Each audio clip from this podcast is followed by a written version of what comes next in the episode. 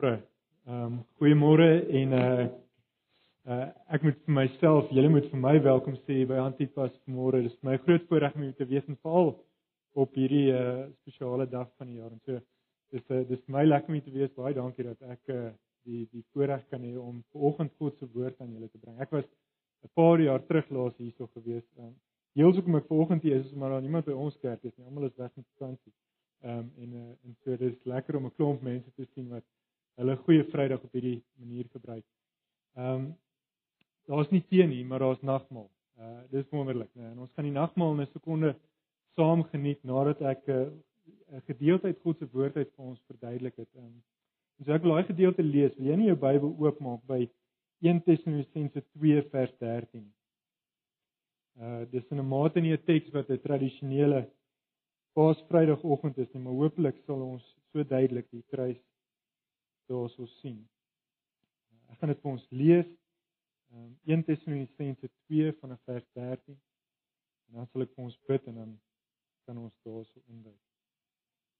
Paulus skryf: "En daarom dank ons God onophoudelik dat julle nadat julle die woord van God van ons ontvang het, dit nie as 'n woord van mense aanvaar het nie, maar waarlik as die woord van God die woord wat werksaam is in julle wat glo.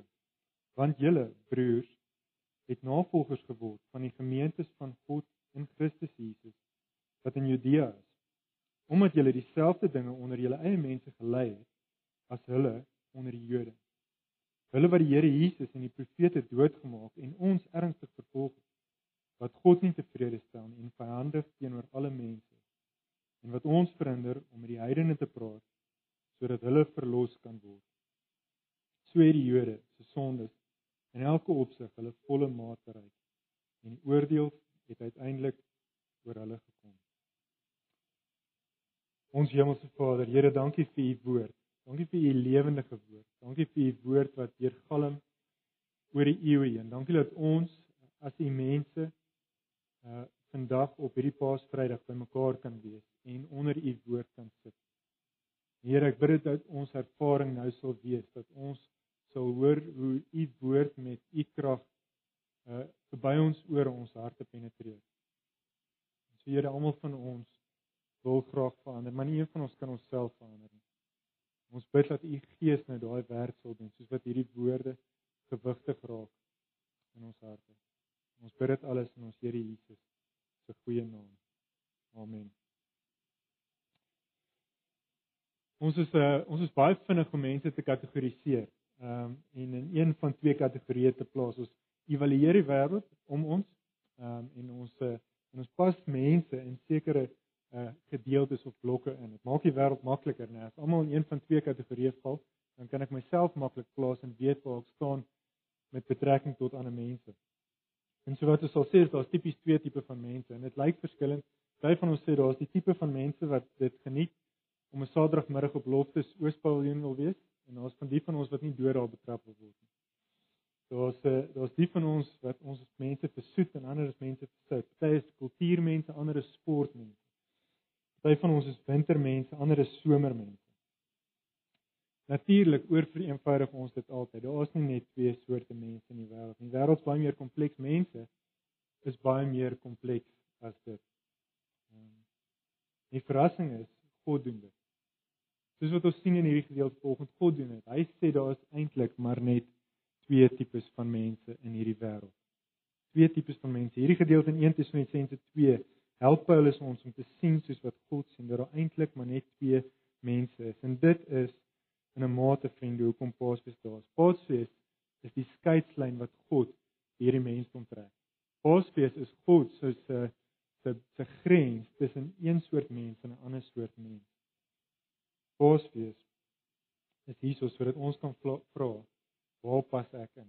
Sodat ek kan evalueer hoe vaar ek in hierdie spesifieke kategorie waar God my geplaas het. En so vinnig voor ons in daai teksgedeelte in meer detail induik, bietjie bietjie agtergrond op aan op die boek van 1 Tessalonisense. Paulus in Handelinge 17 lees ons kom by die gemeente in Tessalonika aan. Op die stadium is daar nie 'n gemeente nie. Hy verkondig die woord van God, die evangelie aan die mense. En 'n magte mense kom tot bekering en soos wat hulle tot bekering kom, word hierdie klein kerkie gevestig. Daar kom dadelik vervolging en Paulus het nodig om te vlug uit die stad uit. En so hy later die kerkie agter oor wie hy besorg is, mense vir wie hy bereid was om sy lewe te gee, mense vir wie hy omgee. En hy hoor, hy hoor hoe dit met hulle gaan en hy skryf hierdie brief aan die een kant om hulle te bemoedig, aan die ander kant om hulle gerus te stel. Hulle vra oor wat gaan gebeur um, onder hierdie vervolging, soos wat van hulle eie mense doodgaan, soos wat van hulle familie en vriende doodgaan. En hy skryf hierdie brief om hulle te bemoedig. Maar hy begin om die evangelie weer van voor af hulle te verduidelik. En dis wat ons vanoggend hierso sien. Ek as jy as jy jou Bybel oop het voor jou, net in in 'n uh, gedeelte voor is, in Hoofstuk 1 vers 6, sê hy ek prys God dat julle navolgers geword het van ons toe ons hierdie evangelie aan julle verkondig het, maar nie net van ons nie, van die Here. Julle was bereid geweest om ons te volg soos wat ons die Here volg. Julle het die evangelie geglo.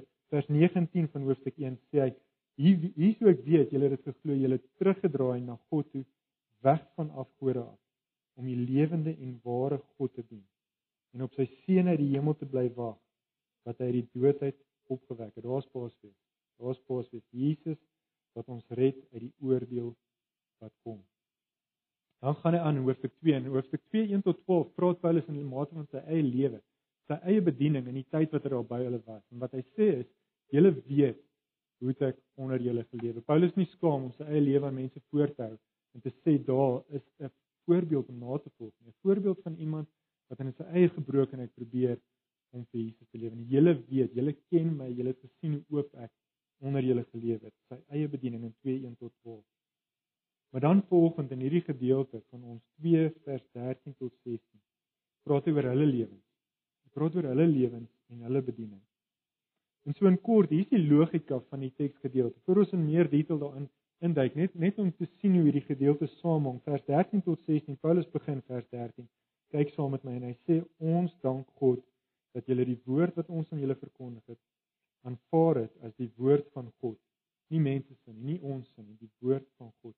En so wat hy daar bedoel met die woord van God is nie soos wat ons tipies sou dink nie. Hy, hy praat nie hier van die Bybel nie praat nie van die Bybel nie, alhoewel dit in 'n mate ook waar is, want hierdie is die hart van die hele Bybel, maar hy praat van die evangelie. Hy praat van die storie van Paasfees.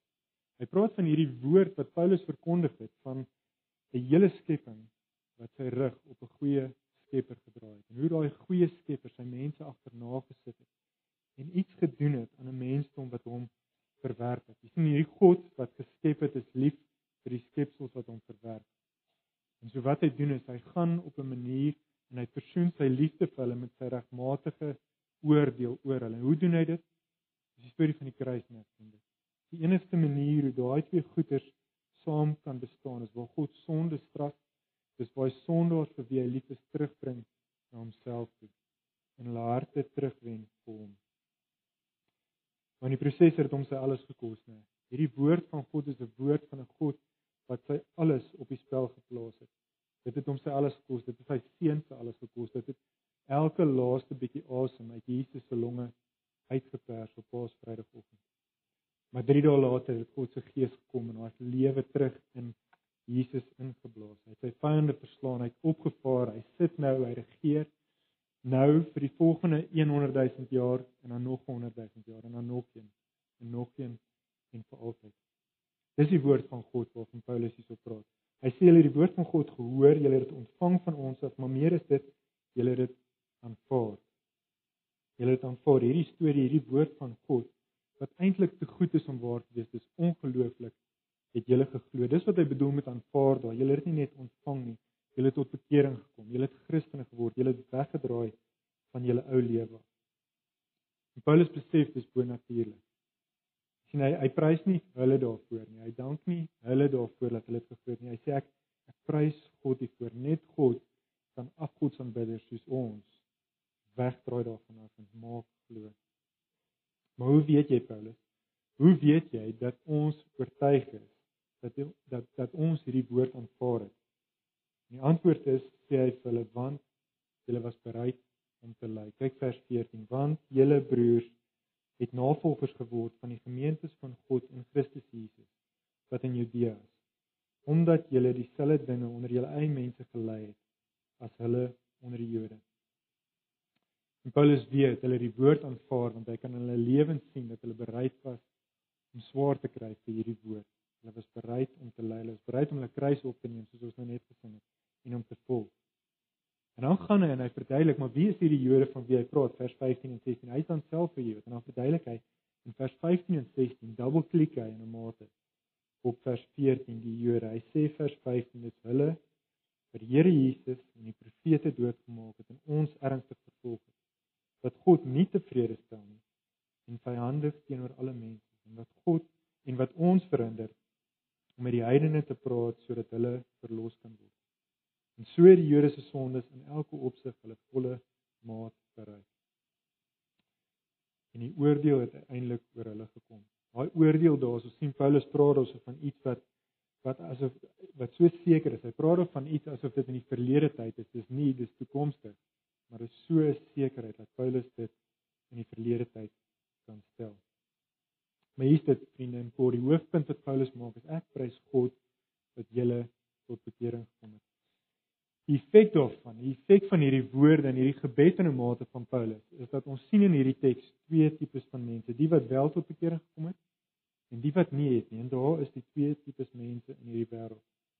Die wat glo en die wat nie glo nie. Die wat die woord van God aanvaar en die wat die woord van God aanvaar aanvaar in vers 13 tot 14, aanvaar in vers 15 tot 16. En en ek wil ons moet ons tyd daar spandeer aan daai twee groot verskeid, die wat die woord van God aanvaar, die wat die woord aanvaar. En so in die eerste plek, die wat die woord van God aanvaar. Jy sien Paulus sê daar is mense wat die woord nie net ontvang nie. Dis meer as dit is mense wat die woord aanvaar, hulle het die woord hulle eie gemaak, hulle het begin om dit te glo. Hoekom? Hier is die rede want hulle het besef dis nie die woord van mense nie. Dis die woord van God. Jy sien wat mense se woorde tipies is, dis opgemaak. Dis nie die waarheid nie. Of dis onbetroubaar. Hulle het goeie bedoelings daar agter, maar hulle kan nie daai woord verstaan nie. Hulle kan dit nie nakom nie. Mense se woorde is veranderlik. Dalk waar vandag wat ek sê, maar ek kan my mind change. Dis soos die seisoene, nee.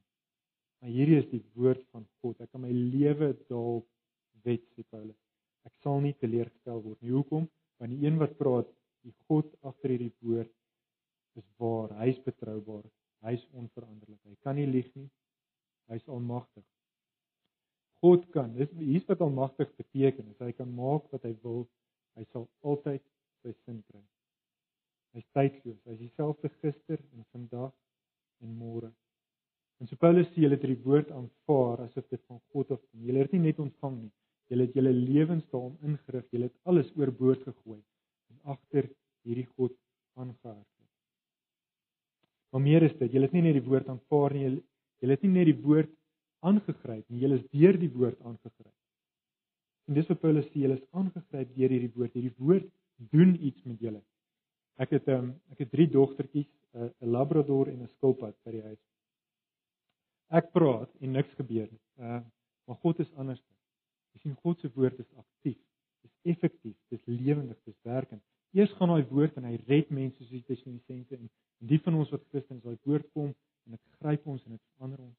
Maar dan hou daai woord aan om ons te verander. En dis wat hy in vers 13 sê, nee, hierdie woord is tans besig om in julle te werk. Hierdie woord is besig om dag na dag julle te verander in die beeld van Christus.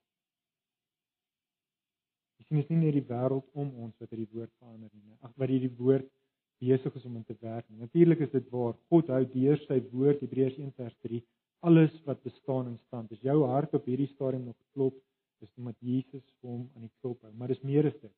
Dis nie net die wêreld en sterrestelsels om ons nie.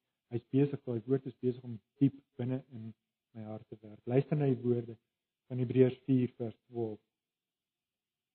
Skrywer sê die woord van God, hierdie selfde ding, die woord van God is lewend en kragtig. Dit is skerper as enige swaard met twee snykante. En dit dring deur selfs tot die skeiding van siel en gees en van gewrigte en murg. Dit beoordeel, dit beoordeel die bedoelings en gedagtes van die hart. En so wat Paulus sê, julle wat die woord aanvaar, is ook die wat die woord ervaar. Maar meer is dit. Ek wat die woord aanvaar het, is nie net ek wat iemand wat plek maak vir die woord in my hart nie. Jy sien ewe skielik word hierdie woord soos wat ek dit ontvang nie net een van die kategorieë wat bepaal hoe ek lewe nie. Dis die ding wat alles oorheers. Dis meer gesag hebbend Dis meer gewigtig. Dis meer betroubaar en elkeen van die fynste detail in die res van my lewe word nou ingerig rondom hierdie woord. Jy sien dit bepaal watter risiko's ek bereid is om te vat. Dit bepaal watse besluite ek maak. Jy sien as hierdie God se beloftes vas staan. As hierdie God beloof ek sal alle dinge ten goeie laat meewerk vir die wat my liefhet, dan kan ek my lewe daarop wet. As hierdie God beloof ek sien nooit laat gaan nie, dan kan ek 'n paar meer risiko's vat. As hierdie God beloof hierdie storie eindig goed vir my, dan kan ek my lewe neerlê. sien wanneer weet jy of jy iets regtig glo? Dis wanneer jy bereid bereid is om jou hele lewe in 'n teenoorgestelde rigting te hardloop as voor jy daai ding geglo het. Jy bereid is om op te tree anders as wat jou instink was. Ewe skielik dan weet jy jy is besig om daai ding te begin glo. En vriende, ons sien dit op geen plek so duidelik nie, soos wanneer ons bereid is om swaar te kry. Wanneer ons bereid is om te ly. Paulus sê hierso, Paulus sê hierso, hierdie ouens was bereid om te ly vir hierdie woord van God en dis hoe ek weet julle het dit geglo. Julle het nie gevlug nie. Julle het nie ingegee onder die druk nie. As jy dit wel glo, dan is om daarvoor te ly is net konsekwent. Is net konsekwent. As jy dit nie glo nie, is om daarvoor te ly is kranksinnig. Niemand doen dit nie. As jy dit wel glo, dan is swaar kry daarvoor beteken maar net jy glo dit werklik. Jy sien jy het nodig om oortuig te wees dat dit God se woord is eerder as mense se wankelrige woorde voor jy bereid gaan wees om daarvoor te lei. Ons sien dit nou as die oomblik wat dit begin swaar gaan dan wil ek weet dat dit waarna ek my hoop plaas is betroubaar, dit is seker. Ons kry voorbeelde van in hierdie teks, een van die mees oortuigende antwoorde, uh, verduidelikings. Een van die mees oortuigende argumente vir die fisiese opstanding, Paas Sondag van Jesus. Dis wat die gemeentes in Judea gedoen het. Ons sien Paulus praat van hierdie gemeentes in Judea. Hy praat van homself as apostel wat gelei het, wat swaar gekry het omdat hulle oortuig was dat Jesus fisies uit die dood uit opgestaan het. Iemand wat skryf oor is 'n man in die naam van Sean McDowell. Hy skryf, hy sê, "Martyrdom does not prove that the resurrection is true, but it shows the depth of the apostles' conviction. They truly believed Jesus rose from the grave and they were willing to give their lives it." Dis hulle het iets gesien en hulle is so oortuig dat dit wat hulle gesien het is van God af. Dis waar, dis regtig wat gebeur het. Dat hulle bereid was om hulle lewens daarvoor neer te lê. Hulle het aanvaar dis die woord van God. Dis wat Christene met die storie van Paulus maak nou. Dis wat Christene met die storie van Paulus maak. Hulle is bereid om hulle kruis op te neem en te volg. En so daar's die mense wat die woord van God aanvaar, nommer 1. Maar nommer 2, daar's die van mense wat die woord van God aanval. Vers 15 en 16. As jy net Paulus verwys na die Joodse vervolgers van hierdie oorspronklike kerke in en om Jerusalem. Hier kom Jode tot bekering, maar ander Jode in die stad kom en hulle vervolg. Hulle hier ironies genoeg Paulus was self een van daai vervolgers gewees tot hy tot bekering gekom het. Maar dis dieselfde mense sê Paulus wat Jesus gekruisig het. Dieselfde mense wat die profete vermoor het, wat my vervolg het, wat ander apostels wou vernietig en die vlug laat slaan. Dis moet te werk vir ons om te vra nou. Ons kyk maklik teen ons neuse af 2000 jaar in die geskiedenis terug na Jerusalem en Pontius Pilatus en die Jode. Die vraag is hoe sou hierdie ouens vandag in Pretoria gelyk het? Wel hier sou hulle sou gelyk het vriende. Hulle sou in goeie kerke gewees het. Hulle sou goeie ouens gewees het wat baie godsdienstig is, wat baie betrokke is in daai kerke van hulle. Hulle sou ernstig gewees het oor wat hulle glo en hulle sou konsekwent uiting daaraan wou gee. En dit is presies hierdie besorgdheid van hulle om konsekwent te wees wat sou beteken dat hulle die kerke wat nie deel was van hulle kerk nie vervolg het. Dis en hulle het geglo hulle doen die regte ding. Hulle gedoen, hulle het gedink hulle doen die ding wat God verheerlik, wat God tevrede stel, wat God se naam vereer deur hierdie Christene te vervolg. Hulle het gedink hulle verheerlik vir God maar hulle presies die teenoorgestelde. En Paulus sê moenie mislei word nie vers 15. Hulle stel God nie tevrede nie. Inteendeel. Hulle is vyandig teenoor alle mense. Stel dit Paulus kan sê hierdie ouens is vyandig teenoor alle mense? Hoe?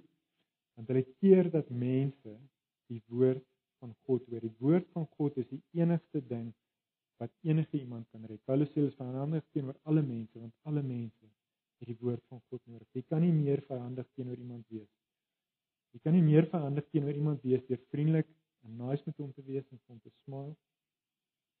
Maar op op die einde van die dag om die voorreg te ontneem om die woord van God te hoor, wat die enigste ding is wat hom kan red nie. Paulus sê deur so op te tree, as jy nie werklik lief vir God of vir jou naaste nie en jou sonde het sy volheid bereik. Paulus kan dit dalk nog vat dat hulle hom vervolg. Hy kan dit dalk nog vat dat hulle Christene vervolg.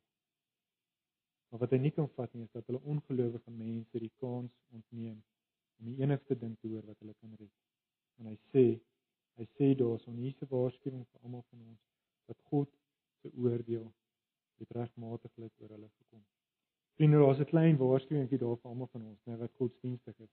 As ons godsdienstigheid en ons vasklou aan goeders wat God se woord nie uitdruklik sê ons behoort te doen of nie te doen nie, beteken dat ander mense nie die woord van God hoor nie staan ons onder God se oordeel.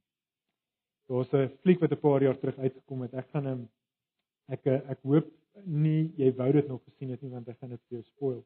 Ehm um, die fliek se naam is Shutter Island en dit is 'n storie van 'n man wat op 'n eiland aankom en hy's 'n uh, die, die hele fliek speel af waar hy ondersoek beampte is na na die feit dat iemand weggeraak het.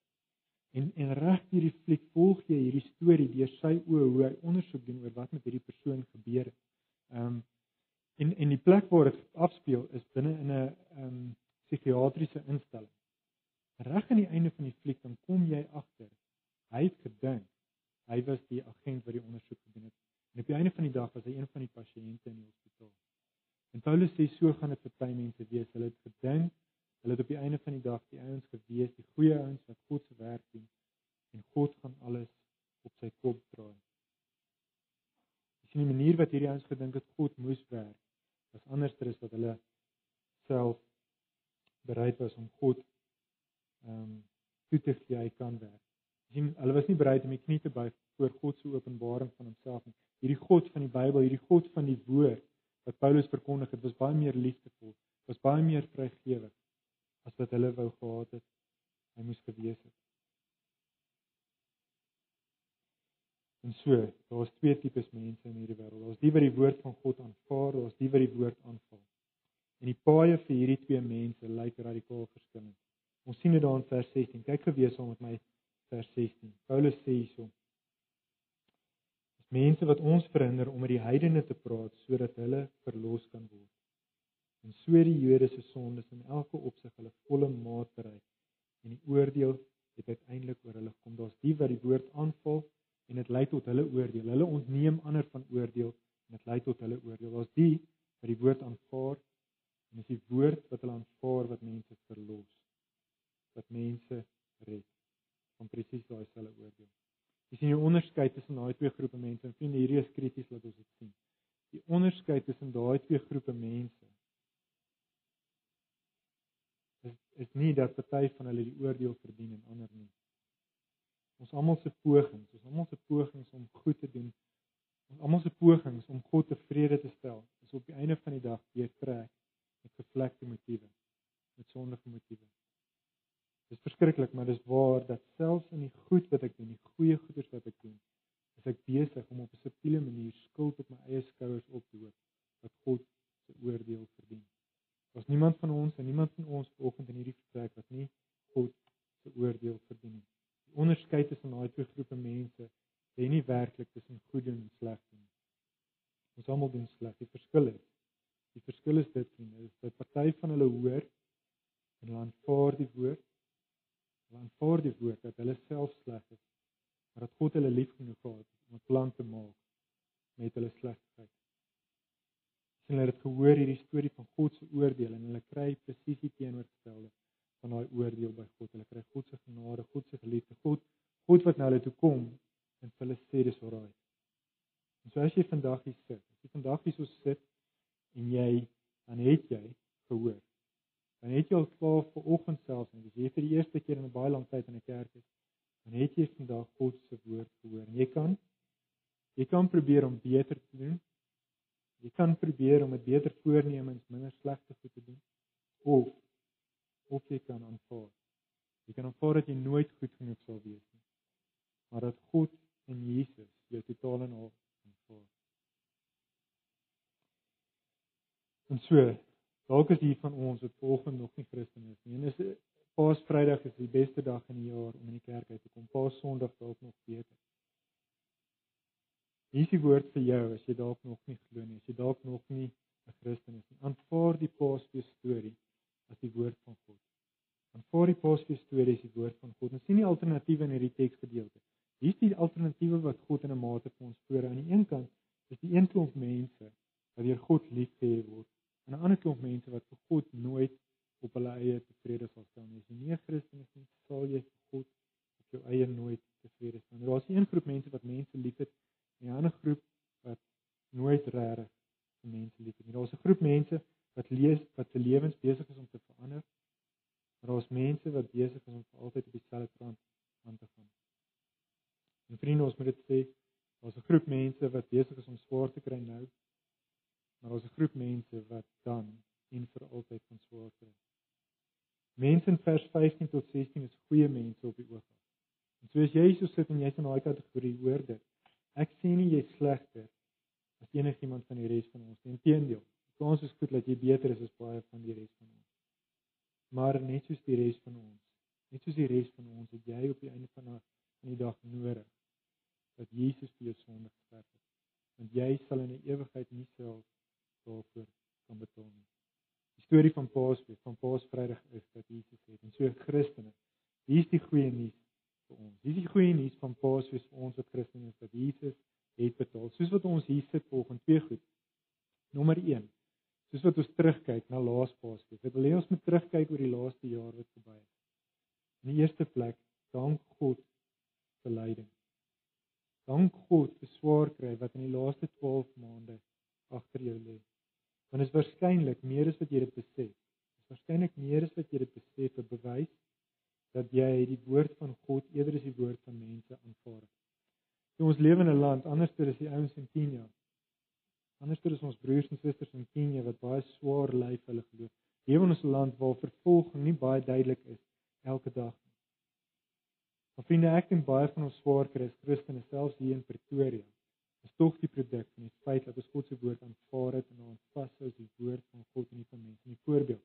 Daar was hierdie week iemand in ons kantoor, iemand in ons gemeente, jong ouetjie wat in die proses is van 'n besigheid koop waar hy tans werk en uh en hy's ongelooflik angstig. Hy's hy's by die middag 5 ure vergadering en hy bewe en ons trane in sy oë want hy moet in hierdie vergadering instap sonder sonder dat hy die geld het om hierdie besigheid te koop. Sy lewe is in 'n mate in sy eie oë ehm um, totaal en al belê in hierdie besigheid. Hulle het hom hierdie hierdie ehm um, deadline gegee dat hy vanmiddag met die geld moet kom en hy het dit nie. En die rede hoekom hy dit nie het nie, vriende, is omdat hy weggeloop het van 'n transaksie waar hy met bereid was om hom die geld te leen, maar wat gepaard gegaan het met bedrog. En hy is besig in daai oomblik soos wat hy daar sit met trane in sy oë, is hy besig om in 'n mate swaar te kry omdat hy vasgehou het aan die woord van God aanvaar. En so vriende, as jy terugkyk oor die laaste jaar en daar's sulke goeders in jou lewe en ek sê jy Christen is, is daar sulke goed vir almal van ons. Waar jy nie bereid was om toe te gee of in te gee nie. Waar jy gewys het jy 'n navolger is van die Christene in Judea en 'n navolger is van Jesus self. Vriende, dat jy dat jy jouself kan verheug in daai lyding want dit is 'n bewys dis 'n bewys dat jy werklik die woord van God aanvaar en so prys God op voor op hierdie Paasvrydag, soos wat ons na Jesus se lyding kyk, kan ons daarin 'n mate van ons navolging van hom sien in ons eie swaarte. Dis nie God se oordeel nie. Dis nie 'n bewys, dis 'n bewys dat jy op die einde van die dag nie geoordeel gaan word nie. En so in die eerste in die eerste plek dank God vir lyding, maar in die tweede plek vir die van ons wat Christen is. Soos wat hierdie hier is vir ons wat voorkyk, vorentoe kyk vir die volgende Paasfees wat kom in 2016. Laat hierdie selfe woord van God, hierdie woord van Paasfees, laat hierdie woord in die volgende 12 maande sy werk in jou hart en in jou lewe doen. En ons sien dan vers 13, hy sê dit hierdie woord van God is werksaam in julle wat glo. Paulus sê dat Paasfees is nie net vir Paasfees nie. Hoor dit die Paasfees is nie net vir Paasfees nie. Paasfees is nie net vir die dag as Jesus terugkom nie. Paasfees is vir elke dag vir die res van die res van die jaar. En so wat ons behoort te doen, die manier wat ons dit doen, vriende, is om hierdie evangelie daagliks vir onsself te preek en in te drink. En die manier om dit te doen is aan die hand van die goeders in ons lewens wat ons sien nie daar behoort te wees nie. En daar's baie daarvan. Ek ek wil 'n paar ek wil drie voorbeelde uitlig van hoe dit tipies werk, hoe dit tipies in my lewe werk. Ek sit met skuldgevoelens. Ek het sekere goeders in my lewe waaroor ek net nie kan kom nie. En dit mag wees vriende, as jy daar is dat jy twyfel. Dat jy twyfel dat God se bloed wat op Paasvrydag gegiet is, dat dit nie voldoende is vir daai sonde. Dat hierdie spesifieke sonde waarna jy vasklou erger is as wat selfs die seun van God se bloed kan skoonwas. Dis wat jy nodig het om op daai oomblik te doen is om hierdie storie van Paasfees vir jouself te verkondig en te sê, nee, hierdie lam was vlekkeloos. Hy kan dit skoonwas. Party van ons sit met trots en soos wat ek in daai muur vashardloop waar ek besef hoe ek neerkyk op ander mense.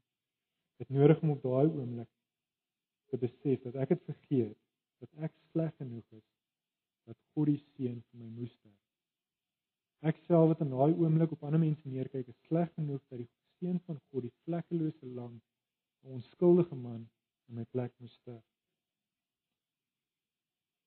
sien op daai oomblik soos wat ek dit doen, as ek besig om die wêreld te begin sien deur God se oë en ek is besig om myself te sien deur God se oë, ek is besig om te laat gaan van daai trots van my. Soos dat ek onvergenoegdheid in die gesig staar. Ek was hierdie week as ek gekonfronteer met 'n situasie waar ek besef ek is soos 'n ek is soos 'n kind wat uh, deur sy ouers op 'n skivakansie gevat is en dan staan hy daar en hy kla dat dit koud is. Sien dis wat baie van ons doen in ons onvergenoegdheid voor God, né? Ons het alles gekry in Jesus en dit is vir ons net nooit genoeg nie. En so wat ek op daai oomblik nodig om te doen is om vir my te herinner dat in Jesus Christus is elke moontlike seëning wat God oor my kan uitstort, myne reeds as gevolg van Paasfees.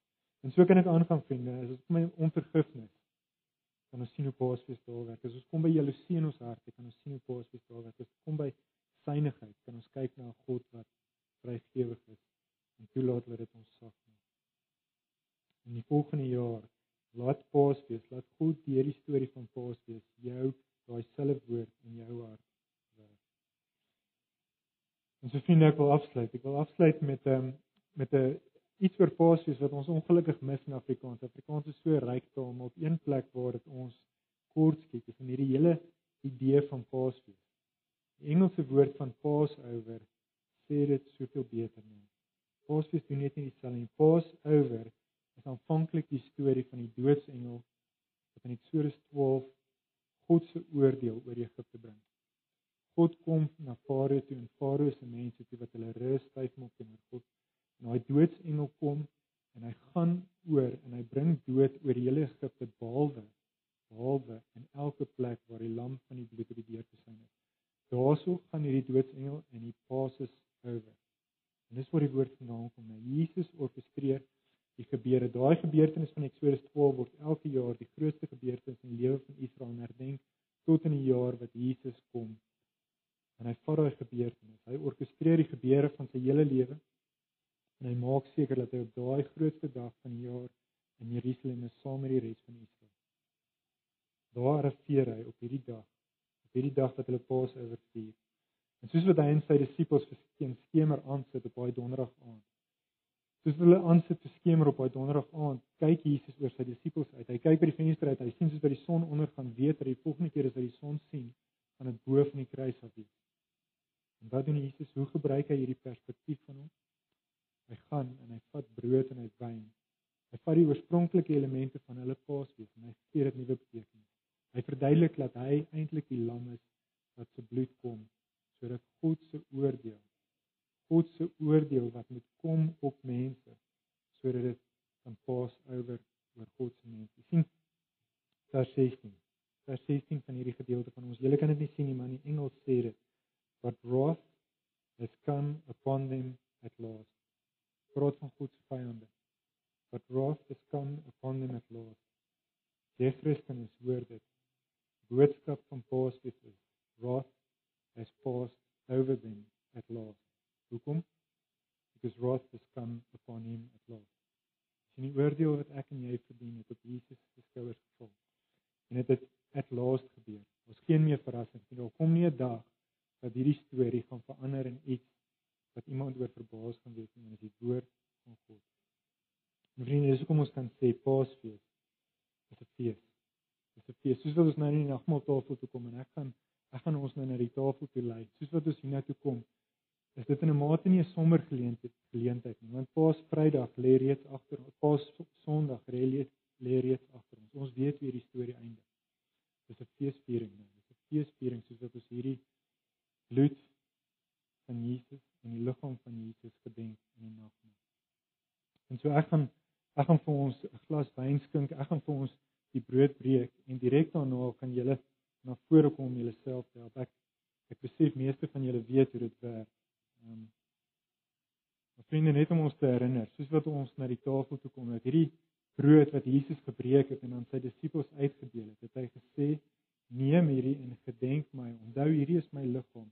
En soos wat jy hierdie brood eet, soos wat dit verbrysel word in jou mond, dink aan my liggaam wat op daai kruis stikkend geslaan is vir jou sonde.